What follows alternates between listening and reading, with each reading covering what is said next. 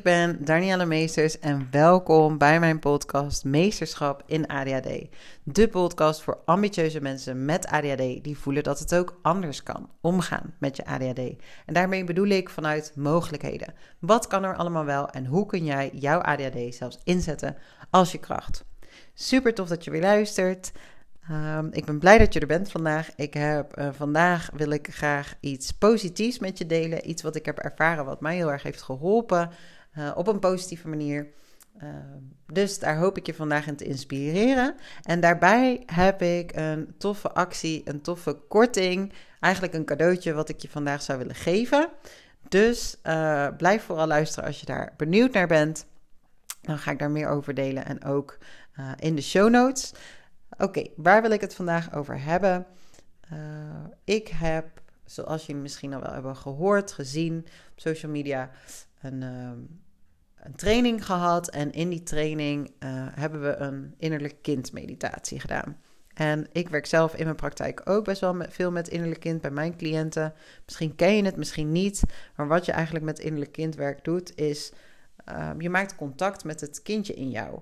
Vaak hebben we in ons leven dingen meegemaakt die heel veel effect hebben gehad op ons leven. Dat kunnen hele grote dingen zijn, dat kunnen ook kleinere dingen zijn. Denk aan ervaringen op school. Uh, misschien ben je gepest. Misschien heb je met um, ja, bepaalde uh, leraar of leraressen die bepaalde dingen tegen je hebben gezegd. Wat jou heel erg onzeker heeft gemaakt en heel erg heeft gevormd in de rest van je leven. Maar kan natuurlijk ook thuis zijn, in je gezin, in je opvoeding. Nou, voor sommige mensen kunnen dat natuurlijk hele grote traumatische gebeurtenissen zijn. Voor anderen zijn het misschien, ja, tussen aanhalingstekens minder grote dingen, maar die wel heel veel invloed hebben op je leven. En ik zie natuurlijk regelmatig mensen bij mij in de praktijk die best wel wat dingen hebben meegemaakt die hun hebben gevormd. Al is het alleen al, als ze de diagnose ADHD eh, op jonge leeftijd hebben gehad, kan het dus eigenlijk op negatieve manier best wel veel invloed hebben. Dus wat je doet met innerlijk kindwerk is eigenlijk contact maken met dat innerlijke kind om te kijken, om, nou, om een stukje te helen. Om, uh, om dat, dat kindje in jou te geven wat dat kindje toen nodig had, misschien niet heeft gekregen. Uh, ja, en dat zelf alsnog kunnen geven. Uh, wat eigenlijk gewoon heel mooi is, waar hele mooie dingen uit kunnen ontstaan. En dan hadden we ook een ademsessie. En na die ademsessie hadden we een, een innerlijke kindmeditatie, waarbij we ook foto's hadden verzameld van uh, ja, onszelf als klein kindje, waar we dan naar konden kijken en contact mee konden maken. En we hadden al wel een heel weekend gehad, waar we heel veel dingen al hadden geuit, emoties hadden laten zijn en heel mooi werk hadden gedaan. Tijdens deze meditatie merkte ik een beetje, ja, ik, irritatie is een groot woord, maar ik merkte een beetje, poeh, weet je, het is allemaal zo beladen, zoveel aandacht aan het negatieve, aan de pijn, aan het drama. Eigenlijk zag ik ineens zoveel moois. Dus ik deed de meditatie, ik keek naar mijn foto's en ik zag een meisje wat net geboren was. Ik zag een meisje wat in Spanje woonde. Ik zag een meisje wat op wintersport was. Um, ik zag eigenlijk in die foto's dat ik mezelf als baby zag. En nu ik zelf ook babytjes heb, dat ik denk: wow, het geluk van ouders. Als ze net een babytje hebben, dat geluk moeten mijn ouders ook hebben gevoeld. Dat is toch heel bijzonder moment. Um, ik zag dat we in Spanje wonen. En weet je, het feit dat wij. Dat ik ben in Zuid-Afrika geboren. Ik heb in Spanje gewoond. Ik ben veel verhuisd in mijn leven. Dat heeft wel voor een bepaalde. Ja, onzekerheid soms in mij uh, gezorgd. Dat ik soms niet goed weet waar ik me thuis voel. Uh, niet helemaal snap waar ik nou eenmaal bij hoor. Die verschillen heel erg voel. De ene plek voel ik me heel erg thuis en ook weer niet. Nou, dat. De andere kant voelde ik nu heel sterk. Wauw, hoe gaaf. Ik spreek Spaans omdat ik in Spanje heb gewoond. Ik heb best wel veel Spaanse vrienden. Ik ga nog regelmatig met heel veel liefde naar Spanje. Het is voor mij echt mijn tweede thuis. Dus het is ook rijkdom. Het is ook heel positief dat dat onderdeel is geweest van mijn leven. En eigenlijk ben ik ontzettend dankbaar voor mijn ouders dat ik die kans heb gehad. En dat we in het buitenland hebben gewoond. En ja, ik zag, ik ga zelf eigenlijk nooit op windsport. Dus niet per se mijn favoriete vakanties. Maar dat deden we toen ik klein was wel. En ja, dat kan ook niet zomaar voor iedereen. Dus ik realiseerde me gewoon heel erg dat ik alles wel heb gehad in mijn jeugd. Dat mijn ouders me alles hebben gegeven wat ze konden geven om mij de meest ja, gelukkige meisje te kunnen maken. Op hun manier, met de beste bedoelingen. En dan zeg ik niet dat je op winstsport moet om gelukkig te zijn. Absoluut niet. Het is niet zo dat je alleen maar met geld gelukkig wordt. Helemaal niet.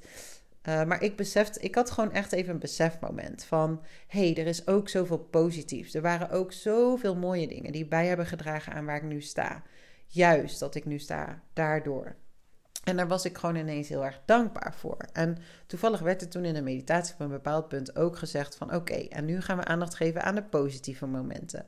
Wat was er allemaal mooi? Wat was allemaal positief? Want waarschijnlijk zijn er meer positieve dingen geweest dan negatieve dingen. Um, ons brein is gewoon supermenselijk om de nadruk te leggen, om aandacht te geven aan het negatieve. Omdat dat beschermt ons. Hè? We zijn er gewoon, ja, we zijn eigenlijk overlevers. En wat ons helpt om te overleven, is om veilig te zijn. Dus ons brein neigt heel erg aandacht te geven aan het positieve om veilig te kunnen blijven en dat niet meer te willen meemaken. Waardoor we soms een beetje een vertekend beeld kunnen krijgen. Hè? Wat je aandacht geeft, groeit. En we zijn ook nog eens geneigd om makkelijk aandacht te geven aan het negatieve. Dus het kost vaak wat meer energie en effort om aandacht te geven aan het positieve. En ik vond het mooi dat ze dat deelden. Vooral ook van ja, waarschijnlijk waren er zelfs meer positieve momenten dan negatieve momenten. Hoe KUT is het dan dat we eigenlijk vanuit ons mens zijn makkelijker het negatieve herinneren? uh, terwijl er ook zoveel moois is. Dus eigenlijk wil ik je voor een paar dingen uitnodigen in deze podcast. Maar een van die dingen is ja, ga ook eens aandacht geven aan het positieve. Wat zijn allemaal de positieve dingen die jij hebt meegemaakt toen je klein was, die jou hebben gebracht waar je nu bent en die jou juist hebben geholpen om te komen waar je nu bent?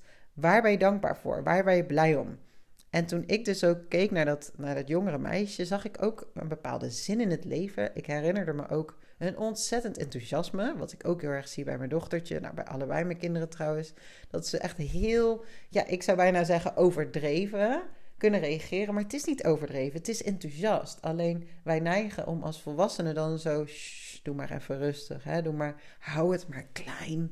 Straks hebben de buren last van je als je zo hard schreeuwt, weet je wel. Um, ja, ik probeer dat echt zo min mogelijk te doen. Mijn dochtertje die loopt regelmatig zingend de tuin in. Nou, wij wonen gewoon in een rijtjeshuis waar iedereen zijn ramen open heeft in de zomer. En soms denk ik wel, nou ja, hoe gezellig is het eigenlijk, zo'n vrolijk meisje wat zingend de tuin in loopt. Maar misschien hebben sommige buren zoiets, nou, ik, hallo, ik slaap. Ehm, dat weet ik eigenlijk niet zo goed. Ik denk dat de meeste buren denken, oh, wat schattig en wat gezellig en wat vrolijk zo'n zingend meisje. Terwijl als ik zingend de tuin in zou lopen, weet ik niet wat ze daar zouden, zouden kunnen vinden. Maar um, ja, dat, juist dat meisje zag ik ook. Dat enthousiaste, vrolijke meisje, wat er zin in heeft. En wat bijna, ja, dat ik daarnaar keek en dacht: kom aan, uh, vier het leven. Ik kreeg er ook gewoon veel meer zin in om meer echt te gaan leven. Om te genieten van het positieve. Om meer in het moment te leven. Om meer dat kind te kunnen zijn. En dat kind echt te omarmen.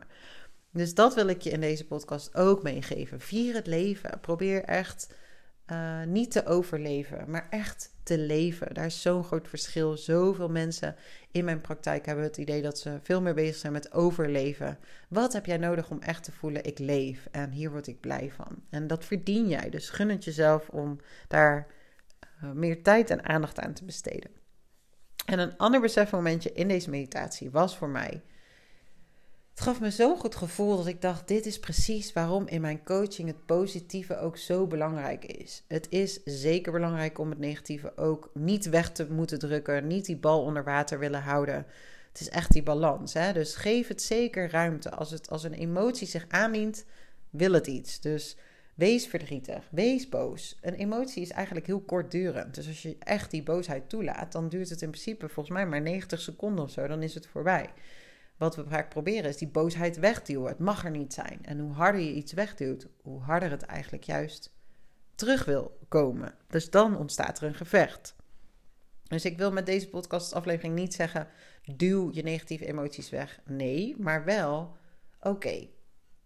Probeer dan ook soms eens te shiften naar het positieve. Geef aandacht aan de emoties die erom vragen. Dus wees boos als je boos moet zijn. Huil als je, misschien word je juist wel verdrietig van: oh ja, er is inderdaad zoveel moois. Laat die emotie er zijn. Ehm, maar in mijn coaching, wat je aandacht geeft, groeit. Dus heel vaak weten we wat we niet meer willen. Maar wat willen we wel? Vandaag heb ik nog een aantal mensen gesproken. Wat wil je echt? Ja, weet ik niet. Wat is je verlangen?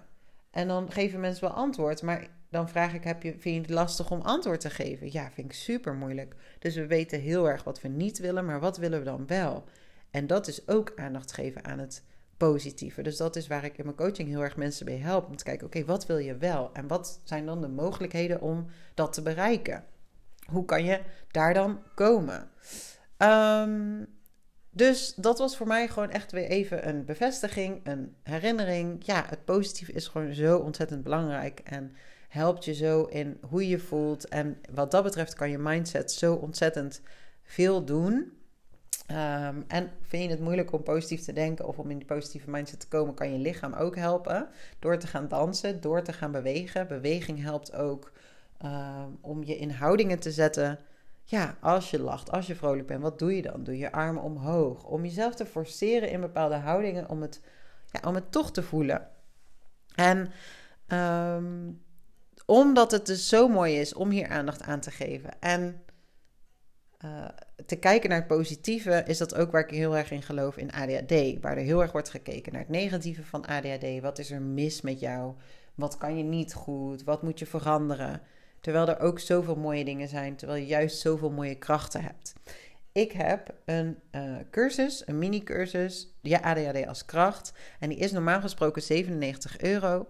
Maar ik wil jou heel graag een korting geven van 50 euro als je deze aflevering luistert. Dus dan zou je 47 euro betalen um, als cadeautje. Zodat je aan de slag kan met je ADHD. En um, ja, een paar oefeningen van me daarin krijgt, waarbij je leert uh, hoe je ADHD meer als kracht kan gebruiken. Je gaat leren wat jou drijft. Dus je, wat zijn jouw drijfveren? Wat motiveert jou? Wat is voor jou echt belangrijk?